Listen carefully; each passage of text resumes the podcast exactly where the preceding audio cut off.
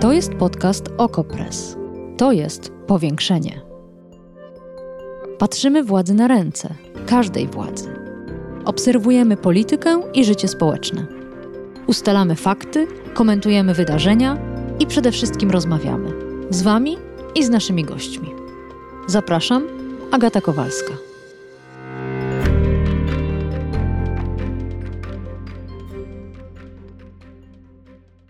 Kancelaria Prezydenta wraz z Fundacją Dajemy Dzieciom Siłę pracuje nad nowym mechanizmem przeciwdziałania przemocy wobec dzieci o brytyjskiej nazwie Serious Case Review. Wielu z nas ze zdumieniem przyjęło informację, że przeciwnikiem tego mechanizmu jest Rzecznik Praw Dziecka Mikołaj Pawlak. Twierdzi on, że to nie kto inny, tylko Rzecznik Praw Dziecka powinien zajmować się szeroką ochroną dzieci. Czy ma rację? O tym dzisiaj w powiększeniu.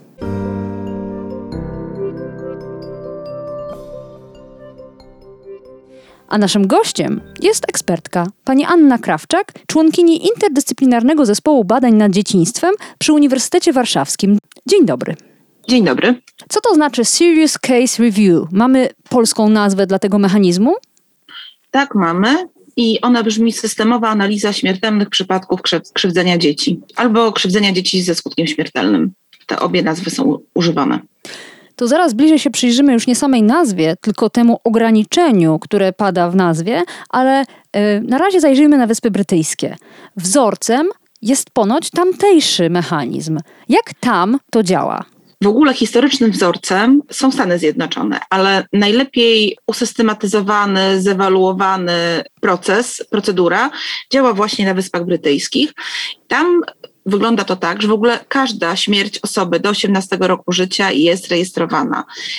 Natomiast te śmierci, które wydarzyły się w wyniku przemocy, albo zachodzi podejrzenie, że dziecko zmarło w wyniku przemocy, trafiają do Ministerstwa Edukacji i do takich lokalnych rad bezpieczeństwa dzieci. I jeżeli właśnie zachodzi podejrzenie albo pewność, że dziecko zmarło w wyniku doznanych krzywd, to takie lokalne rady mają 14 dni na sporządzenie takiego szybkiego wstępnego raportu i wtedy podejmowana jest decyzja, czy będzie wszczynana procedura Serious Case Review. Ona do pewnego momentu była obligatoryjna, to się teraz zmieniło, dlatego że ta procedura istnieje już bardzo wiele lat w Wielkiej Brytanii, oni mają bardzo dużo danych, więc teraz już tylko część spraw wybierają. I mm, jeżeli zostanie taka sprawa wybrana, to powołuje się radę lokalną, która działa w tym miejscu, do, w którym doszło do tego tragicznego zdarzenia. W tej radzie zasiadają eksperci, ale oni są niezależni, czyli nikt z nich nie pracował e, z tym konkretnym dzieckiem, z tą konkretną rodziną, nie brał udziału w ogóle w tej sprawie wcześniejszej i przeprowadzają analizę tego przypadku, czyli co się zadziało wcześniej, czy były wcześniej jakieś sygnały, czy były jakieś momenty, w których system powinien zareagować inaczej, ale nie zareagował. Jeśli nie zareagował, to dlaczego tak się stało? Dlaczego w konsekwencji życie tego dziecka nie zostało uratowane? I jakie wnioski wypływają z tej konkretnej sprawy dla praktyk lokalnych, mhm. ale też dla całego systemu. Tak więc bardzo ważną częścią tego, tej e, Serious Case Review jest sporządzenie na końcu rekomendacji. I te wszystkie rekomendacje są wysyłane do Rady Centralnej, która zbiera raporty lokalne i co pewien czas, co dwa lata publikuje taki raport zbiorczy, e, w którym no, jakby znajdują się oczywiście zanonimizowane dane z tych raportów, tak? Czyli ile takich przypadków było, e, jakie, wzorce się, jakie wzory się tam powtarzały, jakie są najczęstsze problemy, czy są jakieś luki prawne, które za to odpowiadają, które należałoby załatać, żeby um, chronić dzieci, żeby e, nie dochodziło do takich przypadków.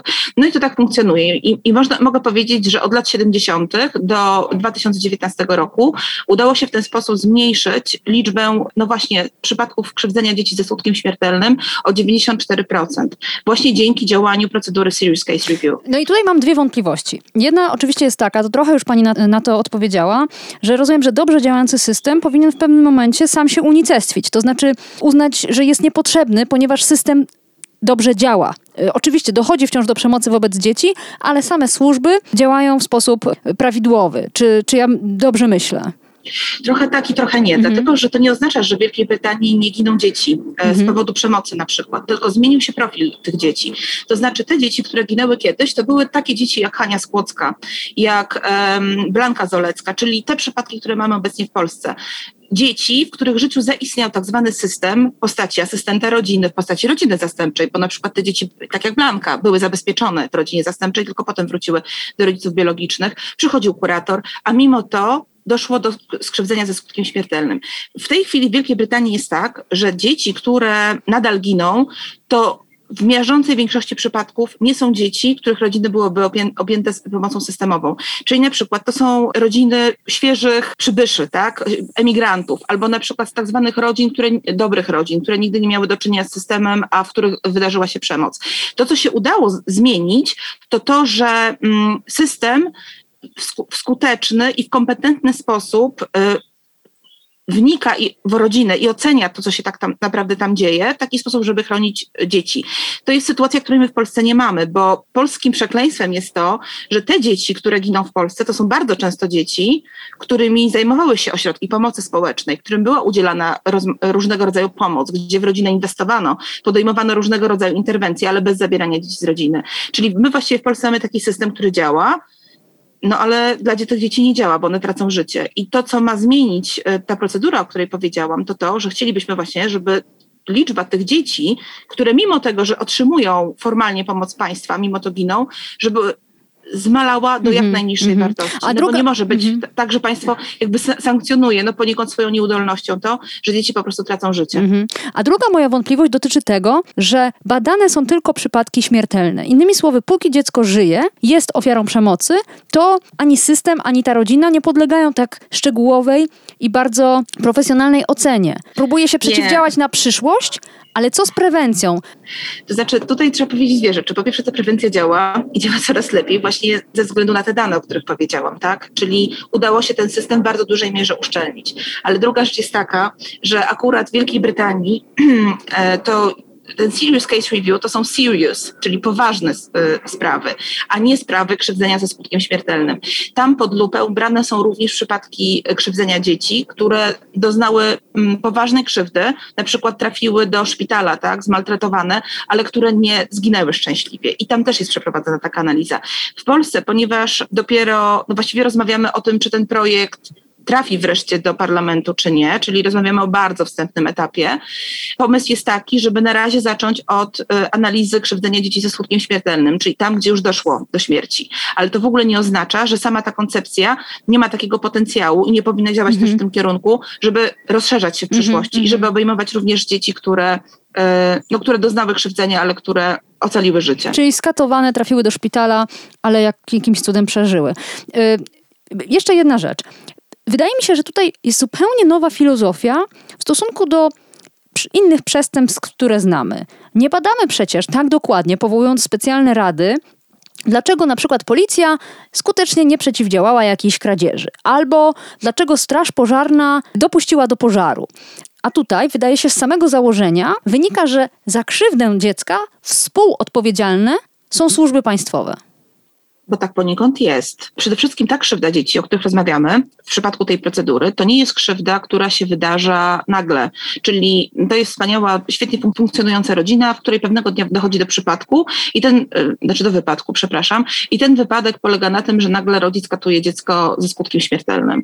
To rozmawiamy o procesie, to znaczy, czyli, czyli o takiej sytuacji, w której dziecko przez długi czas albo przez całe swoje życie doświadcza sytuacji granicznych, zagrażających jego zdrowiu, zagrażających jego życiu, narażających ją, ją lub jego na bezpośrednie e, niebezpieczeństwo. I jednocześnie dziecko jest takim podmiotem, dla którego mm, państwo stanowi czasami jedyny punkt odniesienia, to znaczy jedyny ratunek pomocy, która może nadejść. Więc w tym y, sensie różni się nieco od ofiary dorosłej, która no, żyje w całej sieci społecznej, Mhm. tak? czy przynajmniej jest to wysoce prawdopodobne. Dzieci są że takiej- samotne. To jest to, co próbuje Tak. pani powiedzieć. Ale co to znaczy sytuacja graniczna? O jakiego rodzaju procesie pani mówi? Mówię tutaj o tym, że kiedy wrócę teraz na polski teren, tak, że Mhm. kiedy czytamy w mediach kolejne doniesienia o zakatowanym dziecku i czytamy wypowiedzi, e, czy obcujemy z wypowiedziami lekarzy na przykład, czy z, z wypowiedziami prokuratury, okazuje się, że te dzieci e, doświadczały wieloletniego maltretowania. To znaczy, to nie są dzieci, które zmarły dlatego, że ktoś się kopnął w brzuch, tylko poza tym, że je kopnął w brzuch i to była bezpośrednia przyczyna ich śmierci, na ich ciele były widoczne mm, przypalenie papierosami, zasinienia, samoogojące się złamania, czyli e, takie, takie, takie sytuacje, kiedy dziecko zostało bardzo poważnie skrzywdzone przez dorosłego, ale nie otrzymało pomocy medycznej, po prostu kości zrastały się same. Czyli dziecko było ofiarą wieloletniej krzywdy. I to jest znacząca różnica pomiędzy tym, czy można zapobiec pożarowi, czy nie, no bo pożar jest jednak incydentalny, natomiast krzywdzenie dziecka nie jest incydentalne. Krzywdzenie dziecka jest procesem. Jeżeli, jeżeli ma swój finał w skrzywdzeniu dziecka tak głębokim, że to dziecko traci życie, to wtedy poprzedza ten tragiczny finał jednak cały proces, tak? I bardzo ważne jest znalezienie odpowiedzi na pytania, dlaczego, skoro to był proces, nic wcześniej się nie zadziało. To znaczy, to dziecko pozostało w rodzinie. Co się działo z właśnie z kuratorami, co się działo z asystentami rodziny, co się działo ze szkołą, z przedszkolem, z sąsiadami, z dalszymi członkami rodziny. To są wszystko właśnie te elementy, otoczenia takiego dziecka, na które taka analiza również zwraca uwagę, bo mm, celem analizy, i to jest rzecz bardzo, mm, wydaje mi się, w Polsce oryginalna, nie jest wcale ustalenie, kto zawinił, a już tym bardziej nie jest pociągnięcie tej osoby do odpowiedzialności, wyciągnięcie konsekwencji wobec niej. Celem jest zrozumienie, dlaczego państwo zawiodło to mhm. dziecko i co możemy zrobić, żeby w przypadku kolejnych dzieci ten scenariusz się nie powtórzył. To jest praca na edukacji i dlatego to się bardzo źle sprzedaje, bo ta praca nie jest spektakularna. To mhm. nie jest tak, że jest skrzywdzone dziecko i na drugi dzień wieszamy kogoś na latarni, czego jakby też y, jakby są takie oczekiwania w społeczeństwie, tak, przynajmniej w jego tak, części. Bardzo prawda? dużo się pojawia takich głosów.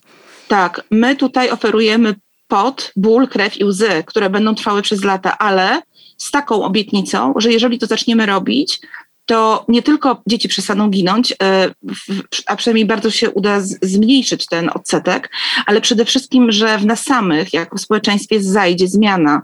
To znaczy, zaczniemy dostrzegać sygnały krzywdy, która się dzieje dzieciom. Zaczniemy je raportować, będziemy wiedzieć, w jaki sposób reagować. Nie będziemy mogli odwracać oczu, no bo sama ta wiedza nas przed tym chroni. To znaczy, im więcej rozmawiamy o jakiejś sprawie, im, im bardziej ona jest lokalna, im bardziej są zaangażowani w tę sprawę mm, poszczególni przedstawiciele różnych instytucji, przedstawicielki, tak, tym trudniej jest udawać, że to jest coś, co nas nie dotyczy, że to coś, co się dzieje w innym województwie albo nie wiem, w innym mieście i w ogóle nie mamy z tym nic do czynienia.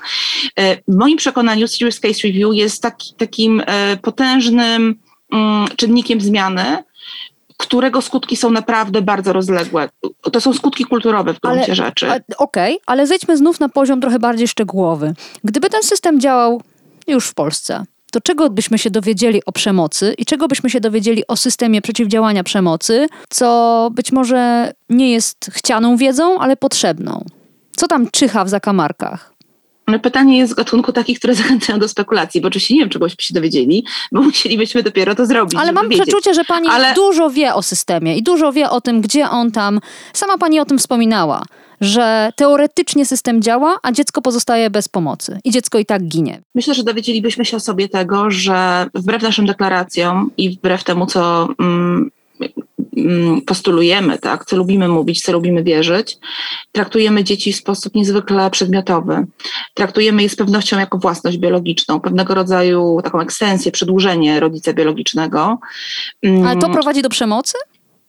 Nie, to prowadzi do tego, że nie zabezpieczamy dziecka wtedy, kiedy jest na to najwyższy czas i kiedy Ale o, powinno się o jakiego rodzaju zabezpieczeniu pani mówi? Mówi pani o odbieraniu dzieci rodzicom biologicznym. Nie, właśnie nie mówię o odbieraniu dzieci nie? rodzicom biologicznym, mówię o zabezpieczaniu dzieci A co to poza znaczy? rodziną biologiczną. To jest bardzo, bardzo cieszę się, że pani to powiedziała, bo to jest bardzo znacząca różnica. Proszę zauważyć też, jakim językiem mówimy o tym. Mówimy o tym, że komuś zabrano dziecko, czyli zabrano tak jak własność, ale to dziecko nigdy nie należało do tej osoby, bo nie jest przedmiotem. I ja wolę mówić o zabezpieczeniu dziecka poza rodziną, bo wtedy podmiotem jest dziecko i w centrum jest dziecko. To znaczy, mhm. robimy to nie dlatego, żeby kogoś ukarać, zabraniem dziecka, tylko robimy to po to, żeby to dziecko mogło być bezpieczne. Ale chcę I pani to jest najważniejsze. Przyczyną, naj, najważniejszą przyczyną niedziałania, przeciwdziałania przemocy w Polsce jest to, że za późno albo nigdy nie przekazujemy dziecka do innej opieki niż ta y, rodzinna, biologiczna? Nie wiem, czy to jest główna przyczyna, bo y, na pewno mm, bardzo znaczący wkład w to, o czym teraz rozmawiamy, ma na przykład y, wysoki próg y, tolerancji na krzywdę wobec dzieci. To jest trochę tak, mm, wiemy to na przykład z czytania protokołów pokontrolnych y, mm, w sądach łódzkich, mm, że na przykład znalezienie dziecka, które miało na ciele liczne ślady przypaleń papierosami, było dzieckiem chorym na cukrzycę i musiało sobie samo wykonywać zastrzyki z insuliny, ponieważ w domu nie znajdowała się ani jedna trzeźwa osoba. To była na przykład taka sytuacja, w której sąd rodzinny zdecydował, że to dziecko zostaje w rodzinie, ale do rodziny będzie przychodzić kurator. To yy, i jakby mówię o tym jednym case'ie, ale to nie dlatego, że on jest taki wyjątkowy, tylko dlatego, że właśnie case'y opisywane w tej analizie przypadków, to to jest reprezentatywna sprawa po prostu. Czyli to oznacza, że dla nas poważna krzywda dziecka, czy taka krzywda, w której dziecko zasługuje na to, żeby być bezpieczne poza rodziną, no zaczyna się właśnie na ojomie. A to jest ciekawe, co pani mówi, bo wydaje mi się, że gdybyśmy znaleźli psa, który był przypalany wielokrotnie papierosem i nigdy nie leczony na poważną chorobę, to by nie było wątpliwości, że należy to zwierzę odebrać opiekunom. A w przypadku dzieci ta granica chyba rzeczywiście jest przesunięta. My tutaj w ogóle nawet nie musimy spekulować, bo w pierwszym odcinku Pieczy redaktora Janczury był dokładnie ten przypadek opisany, gdzie sześcioro dzieci, bardzo poważnie krzywdzonych przez swoich rodziców i również mm, posiadających psy, które te rodzice również krzywdzili. Te dzieci doczekały się reakcji e, systemu i zostały zabezpieczone poza rodziną biologiczną sześć miesięcy po tym, jak zabezpieczono zwierzęta. Czyli wobec psów zobaczono tą krzywdę mm. i uznano bardzo słusznie, że zwierzęta trzeba jak najszybciej zabezpieczyć, bo zagrożone jest ich zdrowie i życie. Natomiast w przypadku dzieci czekano jeszcze z tym pół roku. To oczywiście z wielu rzeczy wynika, ja tutaj nie chcę wcale powiedzieć, że w związku z tym y, zwierzęta mają za dużo praw i powinniśmy teraz te prawa przenieść na dzieci, wręcz przeciwnie. Chciałabym, żebyśmy zaczęli myśleć o dzieciach z wrażliwością równą tej, z którą myślimy o zwierzętach, ale też jakby to, co się dzieje ze zwierzętami obecnie, z ich prawami, jest zasługą przede wszystkim ruchów na rzecz praw i ochrony praw zwierząt. To znaczy, te ruchy wywalczyły sobie wyraźny głos. Natomiast w przypadku dzieci, jak się okazuje, jest to niezwykle trudne, dlatego że. Boimy się wejście... wtrącać do rodziny. Nie tak, chcemy wejście pomiędzy właściciela a jego zwierzę jest o wiele prostsze tak. niż wejście pomiędzy właściciela a jego dziecko. Rzecznik Praw Dziecka jest przeciwny, co mnie zupełnie zdumiało, nie tylko zresztą mnie. Twierdzi, że ten system, o którym rozmawiamy, Serious Case Review, powielałby jego urząd i że wystarczyłoby nadanie rzecznikowi nowych kompetencji, które by w pełni pozwoliły mu wykorzystywać to, co jest zapisane w Konstytucji, czyli ochronę dzieci. Ma rację, to jest dobry pomysł? Trochę ma rację, trochę jej nie ma. To znaczy, dochodzi tutaj do mieszania dwóch kwestii. To, czy, o co walczy rzecznik, czego, o co się dopomina od wielu miesięcy, to jest rozszerzenie jego uprawnień, y, między innymi o postępowania karne, czyli taka sytuacja, w której jeżeli dochodzi do krzywdzenia dziecka, E, albo do przestępstwa popełnionego wobec dziecka, Rzecznik Praw Dziecka powinien być informowany z automatu o tym. I kiedy myślimy o tym tak... I przepraszam, że przerwę, na... ale więcej jeszcze. Mikołaj Pawlak mówi, chciałbym mieć prawo dołączenia do tej sprawy przed sądem na pierwszym możliwym etapie, a nie dopiero na poziomie apelacji. Rzecznik Praw Obywatelskich ma tak szerokie kompetencje, więc chyba rzeczywiście przydałoby się, żeby i Rzecznik Praw Dziecka mógł być tak szybko stroną w sprawie.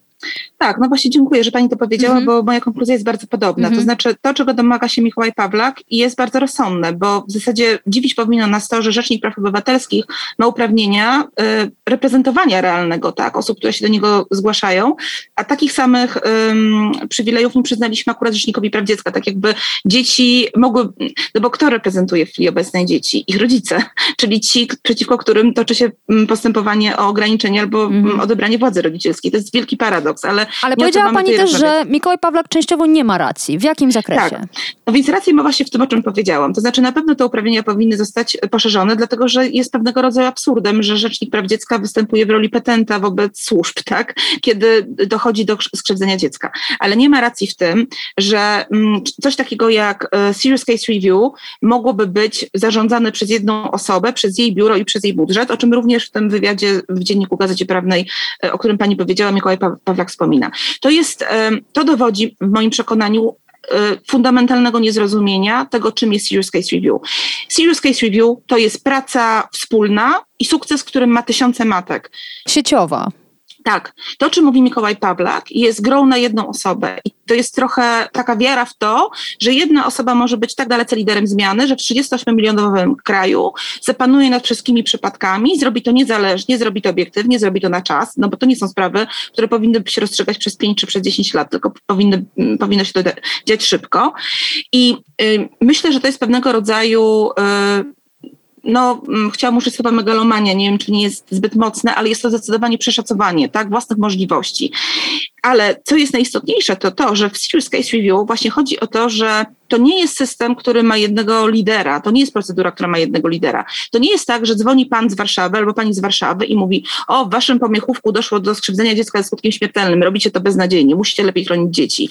Tu nie ma takiej relacji władzy, czyli ktoś przyjeżdża skądś i mówi tym, którzy są na miejscu, robicie to źle. Dla, cała idea lokalnych rad y, ochrony dzieci polega na tym, że sprawami zajmują się ludzie, którzy są stamtąd, którzy znają te realia, którzy decydują o swoim własnym środowisku. Owszem, oni nie są bezpośrednio związani z tą sprawą, no bo muszą zachować obiektywizm, ale stanowią o sobie, to jest taka samorządność, prawda? Dzięki czemu zmiany, które wypracowują, rekomendacje, które tworzą, mają szansę faktycznie się zdarzyć w praktyce, bo one nie są narzucone z zewnątrz. To są rzeczy, to jest proces, przez który ci ludzie przechodzą, w który włączają innych ludzi, pielęgniarki środowiskowe, nauczycieli wychowania przedszkolnego, szkolnego, e, lokalnych sędziów, lokalnych kuratorów, bo to właśnie ma doprowadzić do tego, żeby lepiej było nie dzieciom w Warszawie, tylko żeby lepiej było dzieciom i żeby bezpieczniejsze były dzieci w całej Polsce. To, co proponuje Mikołaj Pawlak, jest jakby zupełnym odwróceniem tego, czyli on trochę ma taką wizję, że y, on dzięki swojej sile, charyzmie, zespołowi jest w stanie wpłynąć na to, żeby i w Ustrzykach Dolnych, i w Szczecinie sytuacja się poprawiła, dlatego że on mocą swojego urzędu i autorytetu zadziała. No to w ogóle tak nie działa w życiu społecznym, nigdzie, prawda? Inna, inny jest, inna jest dynamika procesów społecznych, inna jest dynamika zmiany społecznej. To, że w Wielkiej Brytanii się to udało, udało się tak właśnie dlatego, udało się dlatego do tego doprowadzić, bo ludzie, lokalne społeczności przyjęły na siebie odpowiedzialność. Hmm. Jeszcze ostatnia rzecz to znów y, Rzecznik Praw Dziecka we wspomnianym wywiadzie dla Dziennika Gazety Prawnej. Pytania zadaje Paulina Nowosielska i tam e, Mikołaj Pawlak mówi tak. Czerwona linia, jaką mam z policją, nie może być tylko grzecznościowa. Rzecznik Praw Dziecka musi być natychmiast informowany, gdy ofiarami są dzieci. A w innej części tego wywiadu wspomina, że ciężkich przestępstw wobec dzieci mamy w Polsce około tysiąca rocznie. Czy te liczby są prawidłowe i czy rzecznik nie przecenia swoich sił? Bo wtedy policja musiałaby dzwonić co najmniej trzy razy dziennie, jeśli dobrze liczę.